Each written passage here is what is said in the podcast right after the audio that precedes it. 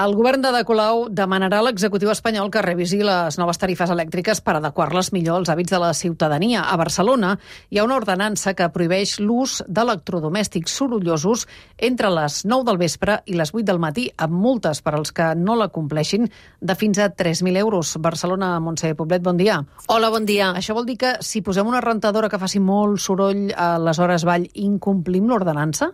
No és ben bé així. No està prohibit que posem rentadora, rentaplats o qualsevol altre electrodomèstic durant la nit, però sí que ho està si superen els decibelis permesos.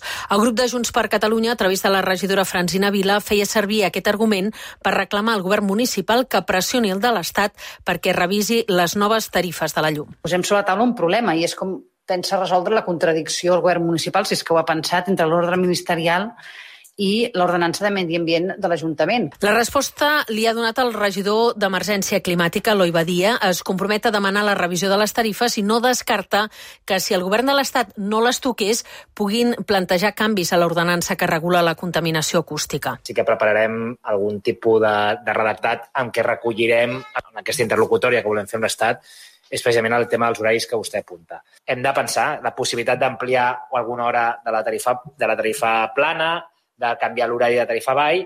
Evidentment, ens falta molta informació per veure quin impacte tindria això, perquè la que mous una hora doncs, segurament afecta a altres i també en aquest sentit eh, revisar el que seria l'ordenança d'equipaments de, sorollosos. Tot i aquesta afirmació de Badia, el consistori aclareix que de moment no hi ha cap intenció de tocar l'ordenança municipal.